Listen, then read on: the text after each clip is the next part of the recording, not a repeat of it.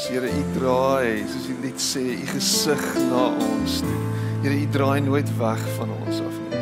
Here, U raak nooit so so teleurgestel in ons dat U wegstap van ons af, Here, en ons is vandag bewus daarvan dat U by ons is in hierdie oomblik dat U vir ons is en nie teen ons is nie. Dankie Here dat ons aan U behoort dat die prys vir ons betaal is. Here dat dit 'n duur prys was, maar dat ons dit verniet kry vandag, dat ons U guns en U genade vanoggend verniet kry.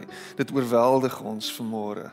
Here ons ons staan en ons ons buig onder hierdie las van liefde wat U oor ons uitstort, Here, en ons is dankbaar daarvoor vandag. Dankie dat U by elkeen van ons stil staan vanoggend. Dankie dat U ons elkeen herinner aan wie ons is. Dankie dat U ons herinner dat ons aan U behoort. Here dat ons U sin is en dat dit ons dat dit ons identiteit is vanmôre. Here, dankie vir oomblikke soos hierdie waar ons U naam kan grootmaak. Dankie dat ons Here U kan loof en prys in die wete dat U hier is. Nie iewers anders nie. En vanoggend kom ons met al ons al ons vrae, al ons twyfel, al ons vrees, al ons angs, al ons spanning, al ons seer en ons kom lê dit voor U voete neer. En ons weet in hierdie oomblik, Here, neem U kennis daarvan en U vat dit by ons. Here, ons eer U vanoggend want U is 'n goeie God. En U is waardig om geloof en geprys te word. Dankie vir U. En dankie vir my broers en my susters wat vanoggend ook so saam is, die wat inskakel op die livestream. Here, dankie dat U ons almal saamhou en aan mekaar vasbind met 'n onlosmaaklike band van liefde deur die Gees. Here, al is ons vanoggend 'n scattered church, is ons nog steeds kerk. Is ons nog steeds een liggaam. Dankie Here dat al is ons nie noodwendig almal saam in mekaar se teenwoordigheid nie, is ons saam in U teenwoordigheid en omdat ons saam in U teenwoordigheid is, is ons een. Dankie dat ons 'n liggaam is en dat elkeen van ons 'n rol te speel het in hierdie liggaam. Herinner ons daaraan vanoggend en ek bid dit in Jesus naam. Amen. En amen. Baie dankie. Jy mag jou sitplek neem. Dankie dat jy hier is vanoggend. Dit is lekker om jou te sien. Jy wat inskakel vanmôre. Glo en vertrou dat jy die diens saam met ons geniet het vanoggend. Dit is lekker om so by mekaar te wees. En ehm uh, jy is eenskeer een van die koudste dae van die jaar hierso in die Kaap. Ek weet nie daar waar jy kyk waar jy is tans en hoe koud dit daar is nie, maar uh, as ons hier by die vensters uitkyk, dan kan ons die sneeu op die berge sien en dit is 'n wonderlike ervaring ook vir ons. Kaapenaars um in hierdie tyd. Maar dit is lekker om julle te sien ver oggend. Um julle sit so bietjie soos mieliepitte nog steeds. Maar so is dit nou maar. So is dit nou maar. Ons vertrou dat die die president hierdie week 'n aankondiging gaan maak wat ons almal um opgewonde gaan maak en dit is dat ons 'n uh, bietjie meer mense bymekaar kan wees. Ek glo en vertrou sommer vir uh, vir 50% kapasiteit. Hoekom nie? Um liewe land, ons is nou lank genoeg op hierdie 50, so ek, ek kan nie wag dat ons nou weer um, in die nuwe maand ook weer sommer gaan koffie drink saam en net weer lekker saam kan wees um, as 'n as 'n familie nie. Ehm um, ja, so, jy's welkom om jou Bybel oop te maak Hebreërs 11. Ons gaan daar lees vir oggend en ehm um, vanmôre is dit 'n is dit 'n woord wat ek deel wat rarig ek dink mense gaan challenge en jou 'n bietjie gaan beweeg. Hoopelik beweeg dit jou na 'n plek toe waar jy ehm um, herinner word daaraan dat hierdie hele geestelike pad wat ek en jy stap, hierdie geestelike lewe wat ons lei, is 'n lewe van geloof. Alles is geloof. Ons hele wese is is is is gebou op geloof. Ons ons ons toekoms, ons heil is gebou op geloof. Julle saam wees, ons saam wees ver oggend hier is gebaseer op 'n ingeboude geloof dat God hier is en dat God ons sien en dat God weet van ons en dat hy weet van ons pyn en ons seer en dat, dat hy weet van ons van ons struggles. Dis dis dis dis ons geloof. Ons glo dit.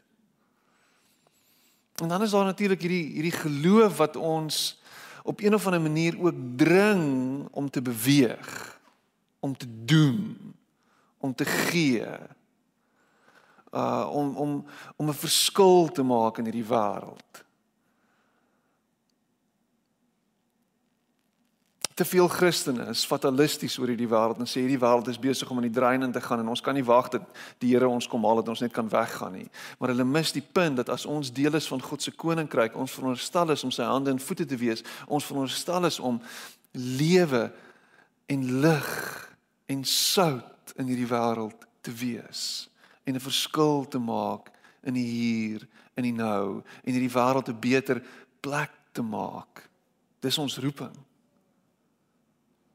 Ons is nie hier besig om afgekapte handjies te sit en te te wag dat die einde moet aanbreek nie. Ons is hier besig om te woel en te waarskaf om hierdie wêreld 'n beter plek te maak. En hierdie wêreld het nodig dat daar sulke mense sal opstaan, meer as ooit, om hierdie wêreld 'n beter plek te maak. Dit kos geloof. Hebreërs 11 vers 8 tot 19 en ons gaan na ons vader Abraham toe. Romeine 4 sê hy is die vader van ons almal. Ons gaan nou net so 'n bietjie oor sy lewe gesels, net so 'n bietjie unpack. Daar's soveel kosbare stukkies goud hierin opgevat. Omdat Abraham geglo het, het hy gehoor gegee toe God hom geroep het om weg te trek na die plek toe wat hy as erfdeel sou ontvang. Hy het weggetrek sonder om te weet waar hy sou uitkom. En omdat hy geglo het, het hy in die beloofde land gaan woon, 'n vreemdeling in 'n vreemde land. In tente het hy daar gewoon en so ook Isak en Jakob wat saam met hom erfgename van dieselfde belofte was, want hy het uitgesien na die stad wat vaste fondamente het en waarvan God self die ontwerper en bouer is. En ek wil net gou hier stil staan vir 'n oomblik. Ek dink dit is belangrik om te weet dat hierdie stad 'n fisiese plek sou word uiteindelik, maar terselfdertyd dat dit ook 'n geestelike plek is. Ek dink jy het nodig om te hoor dat die plek wat God vir Abraham gegee het en sou gee en ontwerp het en gebou het, is 'n plek wat nie met mense hande gemaak is nie. En as hierdie belofte vir Abraham van toepassing en op hom van toepassing is, dan is dit op my en jou ook van toepassing vandag. En dit is dat die stad wat hy vir ons sal gee, die plek wat hy vir ons sal bou, is is 'n nuwe plek. Ooh. Jy moet dit hoor.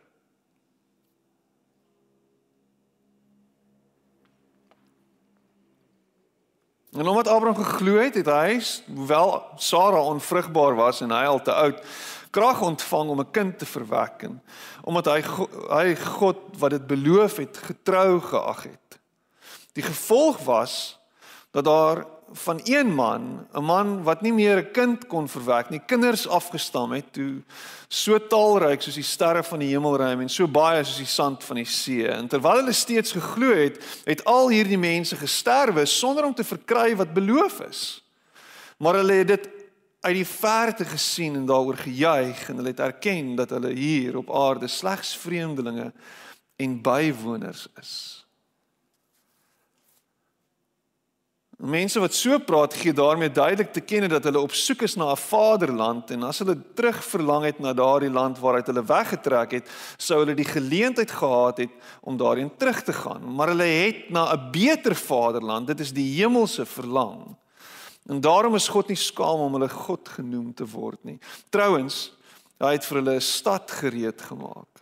En omdat Abraham geglo het, het hy toe hy op die proef gestel is, Isak as offer afgestaan. Ja, hy wat die belofte ontvang het en aan wie gesê is uit Isak sal jou nageslag gebore word, het gereed gestaan om sy enigste seun te offer en hy was daarvan oortuig dat God by magte is om uit die dood op te wek waaruit Abraham vir Isak ook om dit so te stel terug ontvang het. Ja, dit is natuurlik 'n mond vol. 'n verskriklike groot mond vol.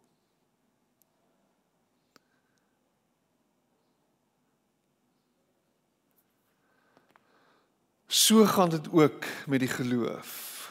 as dit nie tot dade oorgaan nie, is dit sonder meer dood. Jakobus 2 vers 17.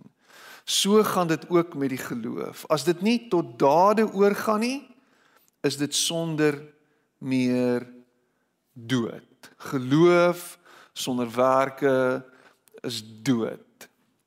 Abraham word geroep op 75 jarige ouderdom. 75 jarige ouderdom word Abraham geroep uh om te trek uit die land Ur uit waar hy gewortel is, waar alles is wat hy nodig het, waar sy empire gebou is. Hy was 'n vermoënde man gewees en alles wat hy nodig gehad het was daar. En 75. Wie van ons, wie van julle is 75? Kan ek gesien wie van julle is ten minste 75? Vyf die Here roep jou om te trek oom Jan. Jy moet nou move na die land wat hy vir jou sal wys. Daai plek. Jy moet asseblief gaan. Hoor jy hoe roep hy jou vanoggend? I mean dis dis dis letterlik wat gebeur. Abraham sy hele lewe lank gelewe waar hy geleef het, gebly waar hy gebly het en God roep hom om te skuif. En hy gee nie vir hom 'n eindbestemming nie. Hy sê vir hom na die plek wat ek vir jou sal wys. Jy moet mooi gaan sit en dink oor die implikasies hiervan. Wat beteken dit? En ek dink wat nodig is om te weet vir oggend is dat ek en jy een of ander tyd in ons lewe op 'n plek gaan wees waar ons ons geloof so bietjie beproef gaan word. Waar daar iets gebeur hier binne en ons gekonfronteer moet word met hierdie ding van is hierdie geloof waaraan ek vashou, waarop ek my lewe bou, is dit regtig reëel? Want as dit regtig reël is, dan sal ek actually optree asof dit reël is. Die ander woorde, my dade sal my geloof eg maak en reël maak en wys dat dit wat ek glo actually waar is. En Abraham word geroep om te beweeg om te trek. Wat fascinating is van Abraham se lewe is dat Abraham niks groots gedoen het nie. Wat het Abraham gedoen? Het hy groot fights gefight? Wat het wat het Abraham gedoen? Het hy groot stede gebou? Wat het wat het Abraham gedoen? Het hy 'n groot boot, het hy iets gedoen? Het hy wat het hy gedoen? Abraham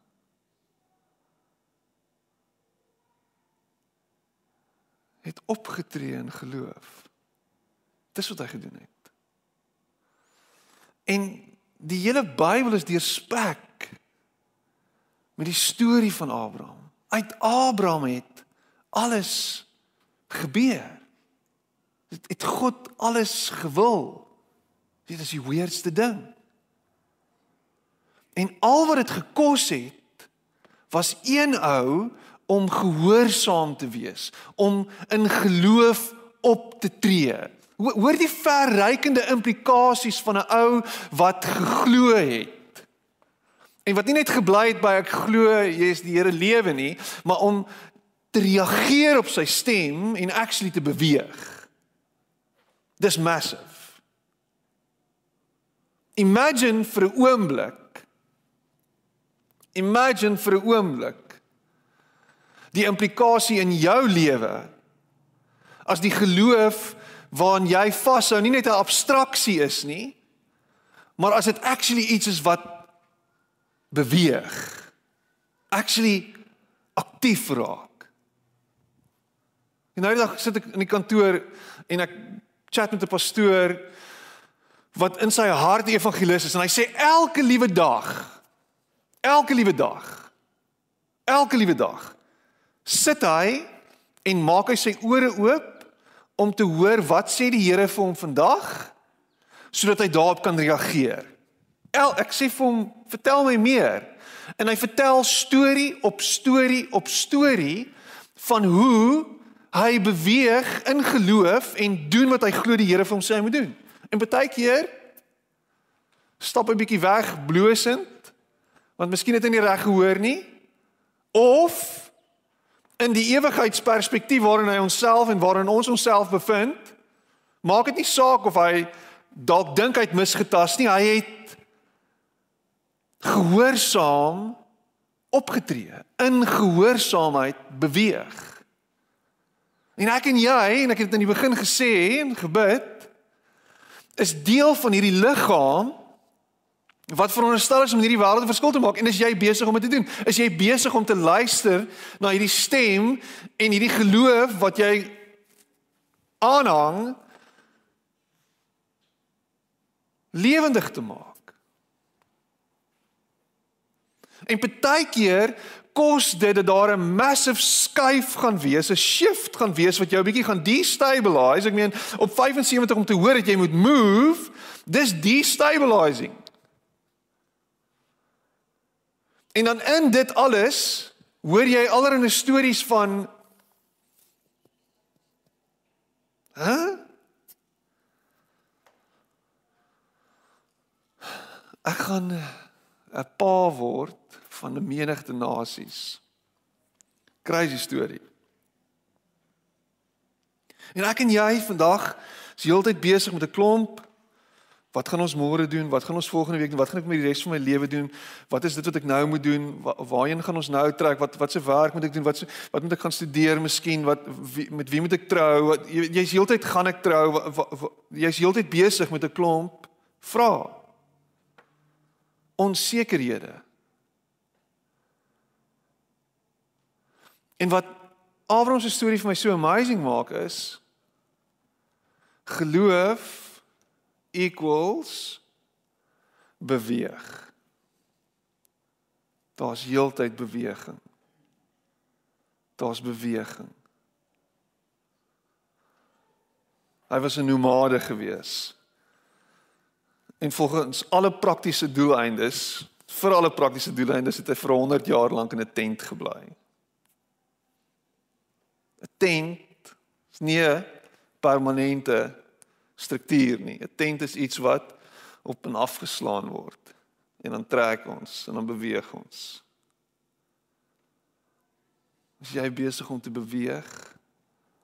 Ek sê nie jy moet jou huis verkoop in Brackenfell en Parow toe trek nie. Ek ek praat nie van dit nie. Ek sê as jy besig om te beweeg, te luister en gehoor te gee aan die stem van die Here. So dis dis 'n massive verandering vir hom. Hy moet skuif, hy gaan, hy gaan beweeg, word beweeg deur die Here se stem, reageer daarop. En dan wag hy letterlik vir 25 jaar voordat hierdie belofte begin vorm aanneem. Hierdie belofte van hy se vader van 'n menigte nasie. Op 75 kry hy hierdie roeping en hoor hy wat hy moet doen en wat gebeur. 75 en dan word hy gekonfronteer met sy onvermoë om vir hom nasate te verwek en sy vrou in dieselfde posisie en 25 jaar. Hoe lank wag jy al? Vir hierdie hierdie belofte vir die droom. Hoe lank? 25 jaar. Hy het eers op 100 het hy pa geword vir Isak. 25 jaar. Party van ons is nog nie eens 25 jaar oud nie. Party van ons is net 25, party van ons is 25 jaar lank getroud. Dit voel soos 'n ewigheid. 25.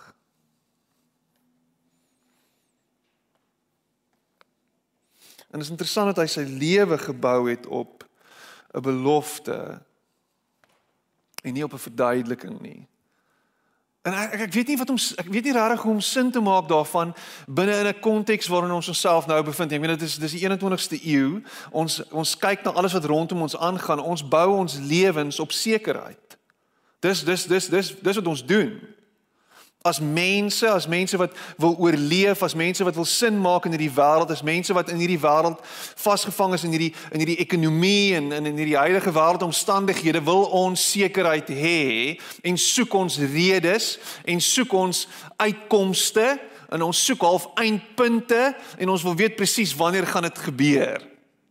Né? Nee? Jy belê jou geld vir hoeveel jaar vir 5 jaar of vir 10 jaar op hierdie beginsels en jy weet dan elke nou en dan gaan kyk op my Discovery app dan sien ek dan gaan hierdie polisie uitbetaal dan jaar 2033. Jy het jy het so half 'n idee.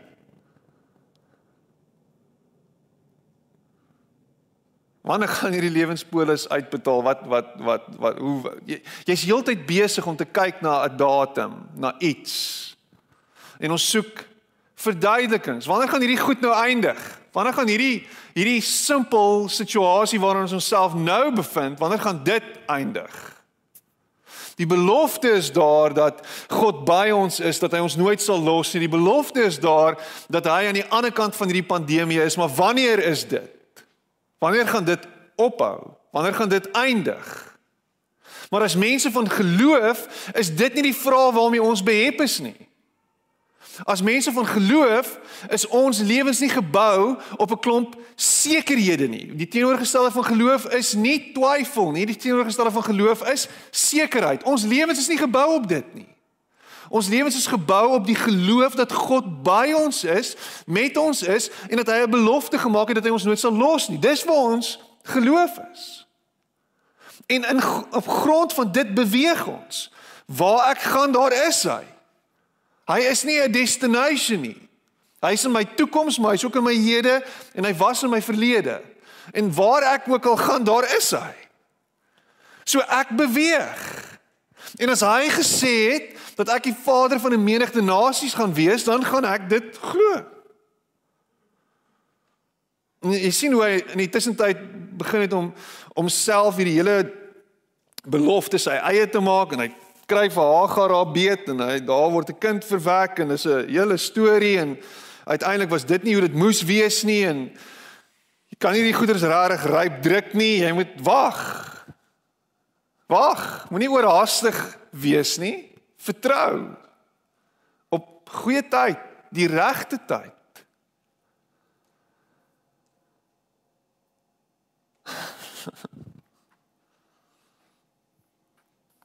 Wanneer, Here? Daar's nie 'n einde in sig nie. Wanneer? Die les is uh so 'n Engelse ding geskryf, a real believer will wait for God's timing. It's always perfect. 'n Regte gelowige, ek en jy, vertrou op die Here. Ag, is so lyn, Piet.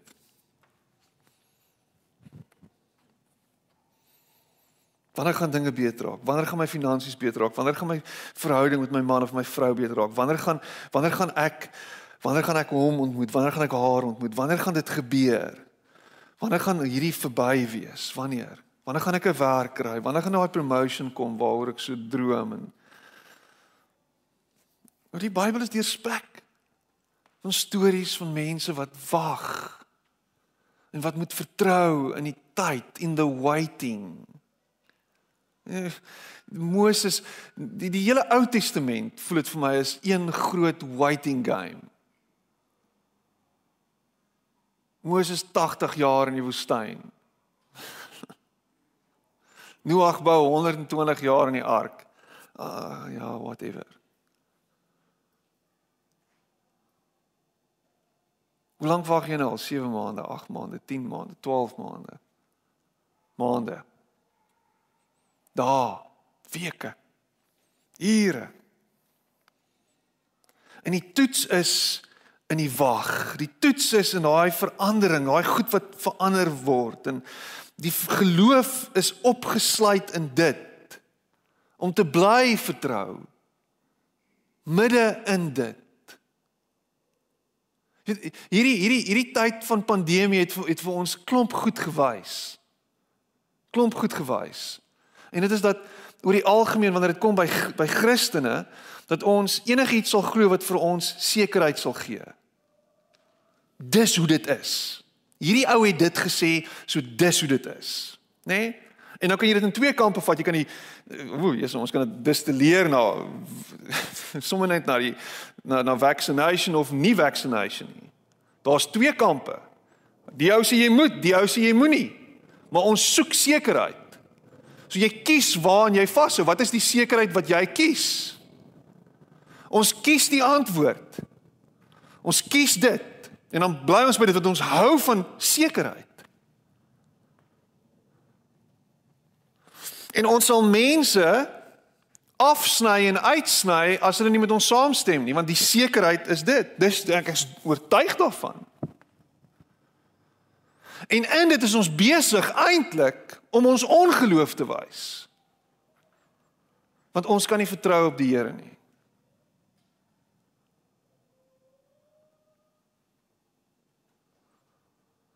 Christen, kind van God, volgeling van Jesus. Jy het nie 'n rede nodig nie. Jy het 'n vertroue op die een wat jou bron is.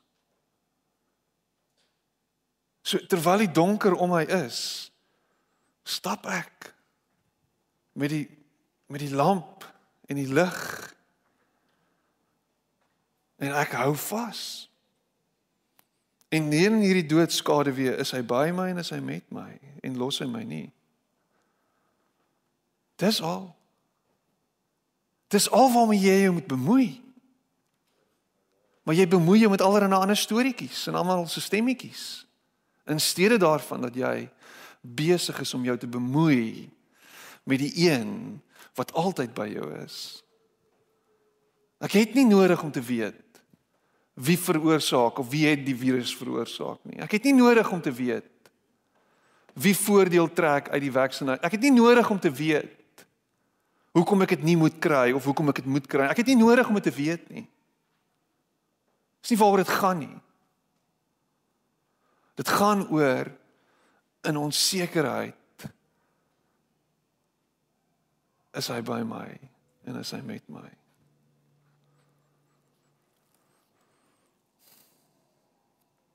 Die probleem is dis onmoontlik. Net 'n klomp aanhalings hierso en ek gaan net verby dit skiep.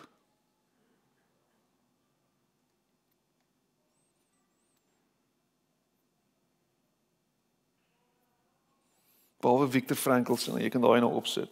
Hy sê when we are no longer able to change change a situation, we are challenged to change ourselves in in dit is dit God wat besig is om ons te skaaf en te skuur binne in hierdie situasie. Viktor Frankl natuurlik in 'n konsentrasiekamp gewees in, in die Tweede Wêreldoorlog uh, deel van die uh, van die groot moord van van al die Jode. Hy was daar, hy het dit beleef eerstens. So hoe verander jy in hierdie tyd? En God is besig om my en jou te skaaf en te skuur binne in hierdie onsekerheid. Binne in hierdie moeilike tyd is jy besig om gevorm en verander te word. En dit is wat met Abraham gebeur het. Om te dink op 75, jy, jy set in your ways op 75. Jy's 'n ou korrelkop. Ek dink nou maar, raai ek. jy weet, jy's jy, hoe hoekom sal ek nou wil verander? Hoekom gaan ek nou verander? Ek weet ek is 42 en ek kan dit voel. Hoekom nou? When we are no longer able to change a situation, we are challenged to change ourselves. Want God is besig met jou. En jy kan nie dieselfde wees as wat jy gister was nie. Hy's besig deur sy gees om jou te skaaf en jou te skuur.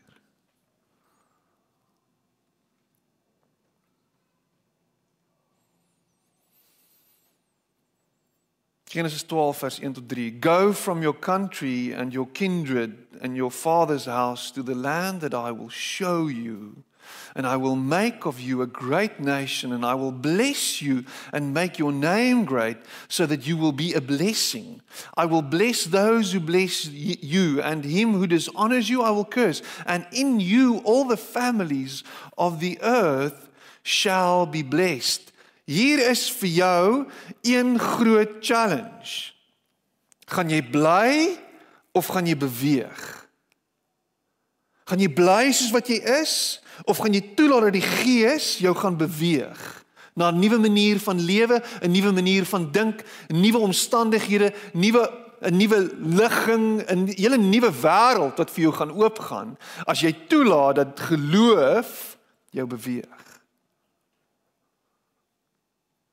Jy stak in 'n rat. Jy is in 'n groef lankal al. Lankal al. Jy sit binne in hierdie groef vas. Piet.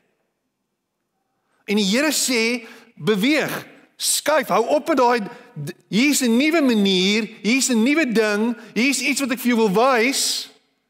Beweeg. En as Abraham dit nie gedoen het nie, was hy net 'n net 'n voetnota in in die geskiedenis gewees. Die Here het na Abraham toe gekom en gesê hy moet beweeg en hy het dit van die hand af van die hand gewys. En die volgende oomblik dan lees jy van Pieter Jakobus of wie ook al en hy het gegaan. Of jy sou nie eens genees gelees het van hom nie.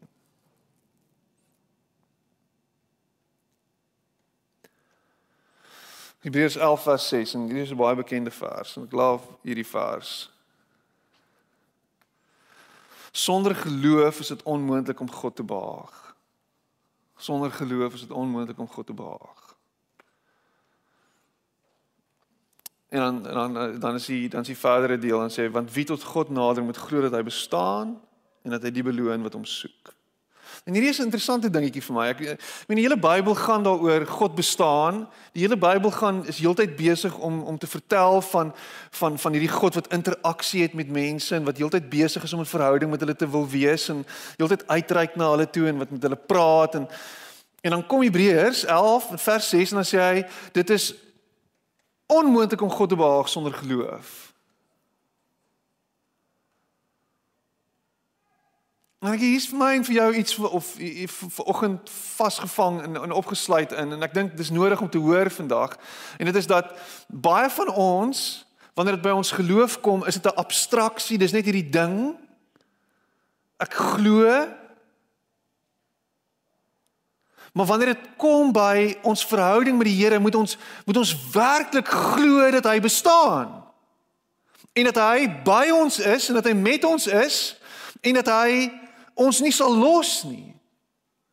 So dis actually die mees natuurlike ding vir 'n volgeling van Jesus om om vrylik te wees en op te tree en in vryheid oral waar jy is jouself te bevind en God saam met jou. En enigiets wat jy doen te weet, jy Here ek sluit U in by dit. Alles wat ek doen, is by my, is met my. Elke liewe ding wat ek aanpak is God is aan my is is hy's hier.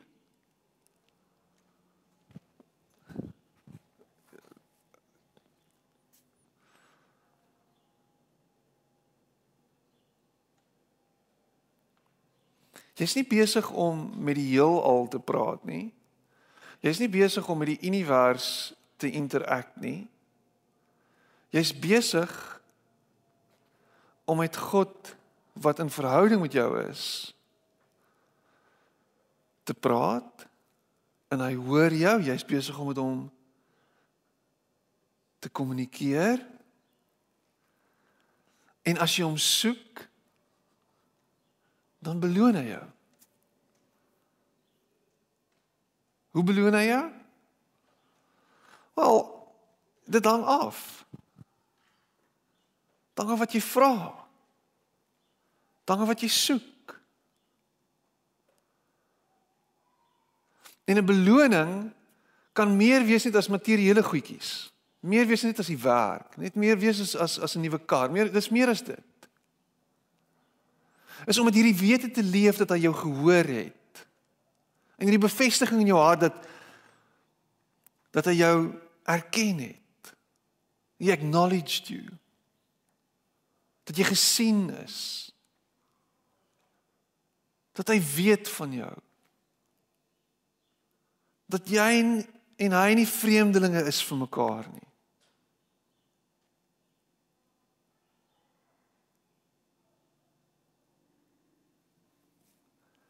Ek hou van daai idee. Ek sal ek is baie keer by die skool, ek rig so 'n bietjie landloop af teenoor by die skool.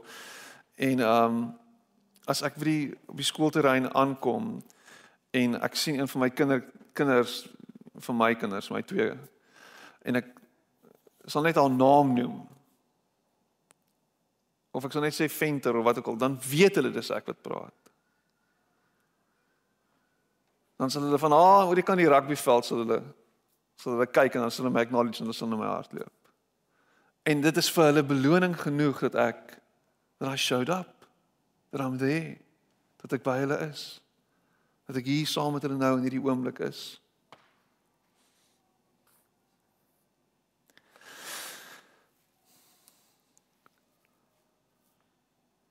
Die probleem is Hierdie belofte is belaglik. Dis 'n belaglike belofte. En ons weet hoekom dit belaglik is. Want hulle kan nie kinders kry nie. Dis belaglik.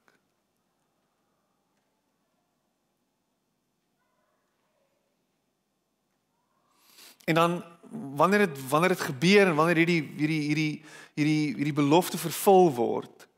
Ek meen teen alle natuurlike reëls en en die hele heelal se wette en alles teen dit alles in. Dan ehm um, vra God later vir vir vir vir vir Abraham om om Isak te gaan doodmaak.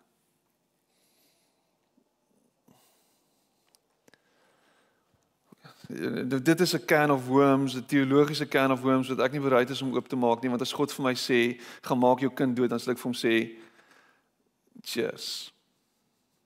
Dit is ek en dis nie Abraham nie. Maar gaan worstel bietjie met daai gedagte. Gaan worstel met daai gedagte. As jy regtig ernstig en eerlik met jouself wil wees. Dit is 'n sinnelose storie. Hoekom? Hoekom? Hoekom gebeur dit wat dit gebeur? Hoekom hoekom is dit nodig om te gebeur. En ons kan dit nou reduseer en ons kan dit ons kan dit distilleer na die waarheid toe, jy weet en dit is wat God gedoen het met sy eie seun om doodgemaak. Het hy hom doodgemaak of het Jesus sy lewe neergelê? Wat het daar gebeur en hoekom het dit gebeur? En uh, wat is die rede daarvoor sodat die wêreld vrygemaak kan word? Sy bloed moes vloei. O, oh, dit is dit raak 'n hele hoekom?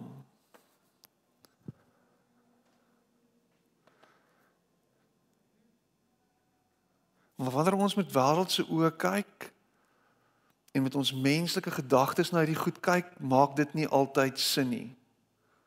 En beteken dit nie altyd wat ons dink dit beteken nie. En wanneer ons getoets word, wanneer ons geloof beproef word, dan weet ons ons is in uitgeleese geselskap. Want selfs Jesus moes deur daai vuur gaan van beproewing, gaan ek dit end uit sien. Gaan ek deur gaan met dit. Dit is die moeilikste ding. Hierdie is te veel vir my. Hierdie angs is net te oorweldigend. Ek kan nie hiermee cope nie. Dit gaan nie werk nie. Hoe, hoe gaan ek dit maak en hoekom het U my verlaat aan die kruis uitroep, Here, waar is U? Hoekom? Hoekom los U my?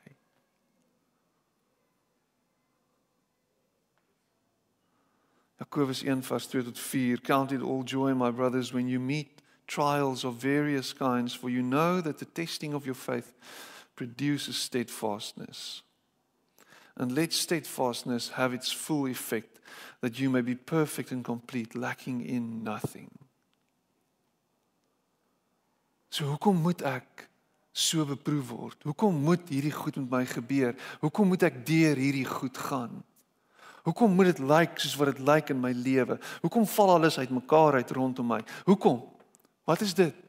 Hoekom moet ek hierdeur gaan? Hoekom kan dit nie net so my 'n bietjie gespaar word nie? Hoe lank moet dit nog aangaan? Wat wat is die rede hiervoor? En ons worstel met dit. En eintlik in steede daarvan om te worstel, is jy veronderstel om te sit en giggel en te sê, "Wow, Here, dankie vir dit." Maak dit enigsins sin vanuit 'n wêreldse oogpunt glad nie. Hoekom gebeur dit met my? Well, I have to count it pure joy because God is busy with me. He is shaping me. He is Dit moet hierdie is 'n amazing tyd in my lewe.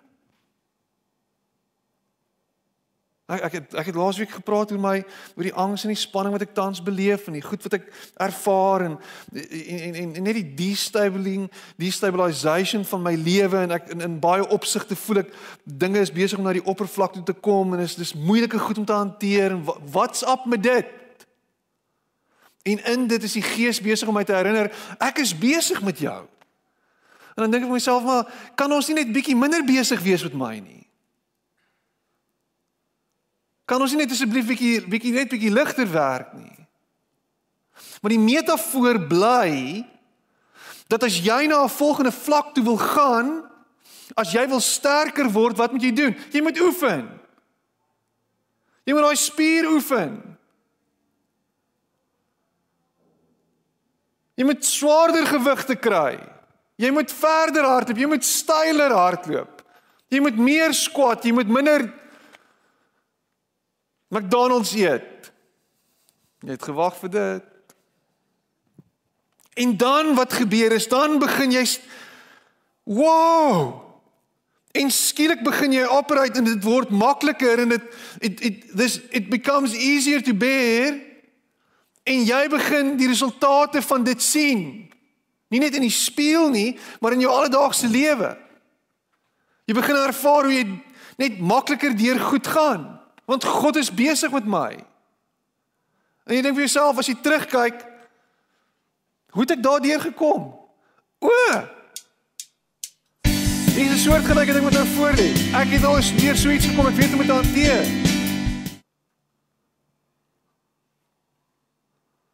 Maar as jy gaan bly vassit in hierdie rad van oh, alweer en nog steeds. En hoekom en waarom? Gaan dit jou lank besig hou?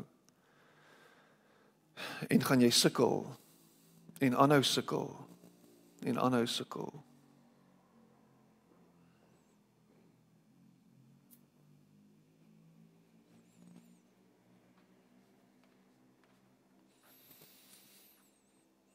En toe Abraham oorgaan tot hierdie crazy aksie om sy seun dood te maak. Toe wys God vir hom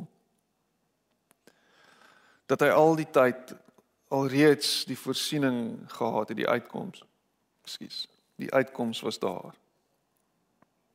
Dit was altyd daar. Die uitkoms vir my en jou was altyd daar. Sal altyd daar wees. Daar was nooit twyfel nie. God se goedheid is nooit onder verdenking nie. God se voorsiening is nooit onder verdenking nie. God se plan is nie volgade nie. God se doel en God se wil was nog altyd volmaak gewees. Ek en jy het nodig om toe te laat dat omstandighede en goed wat aangaan in ons lewens ons 'n heenwyser bly na die goedheid van God toe. Dat dit 'n rigting aanwyser sal bly wees na na wie hy is. In jou moeilikste oomblik, in daai oomblik wat jy nie kan asemhaal nie, in daai oomblik wat dit jy oorweldig is, waar daar geen hoop meer is nie, waar alles donker is, wys dit steeds na hom toe en dit sal nooit ophou nie. En as ek en jy in daai moeilikste oomblikke ons oë gefestig kan hou op die een, op die lam, op die gekruisigde Jesus Christus wat gesterf het vir jou en vir my, bly die hoop dat hy ons sal verlos, dat hy ons sal red, dat hy ons hier sal deerdra al is dit tot in die ewigheid in. My en jou hoop is nie op die sienbare nie.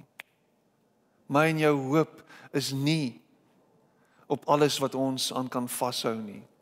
My en jou hoop bly in die onsigbare, die onsigbare, die een wat verhewe is en ver hoër is as wat ons ooit kan begryp of verstaan. En as jy nie jou hemelse oë gaan oopmaak nie, gaan jy heeltyd vaskyk in al hierdie gemors en gaan dit jou aftrek. Gaan dit 'n beklemming op jou bors bring. Gaan jou angs en jou spanningsvlakke net die hoogte inskiet.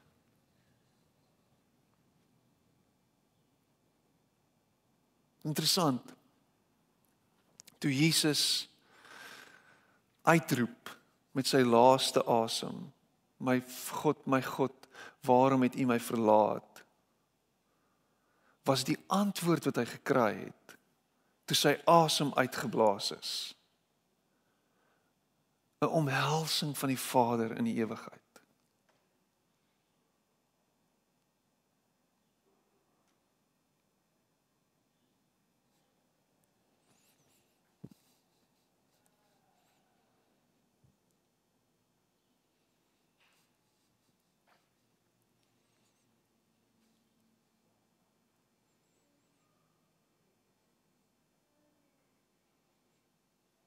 Toe hy oorgee en toe hy doodgaan. En as ek en jy oorgee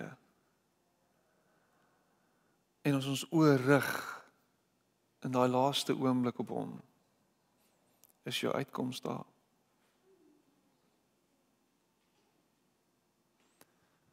En sal hy jou ontvang met sy omhelsing. En sal hy jou red.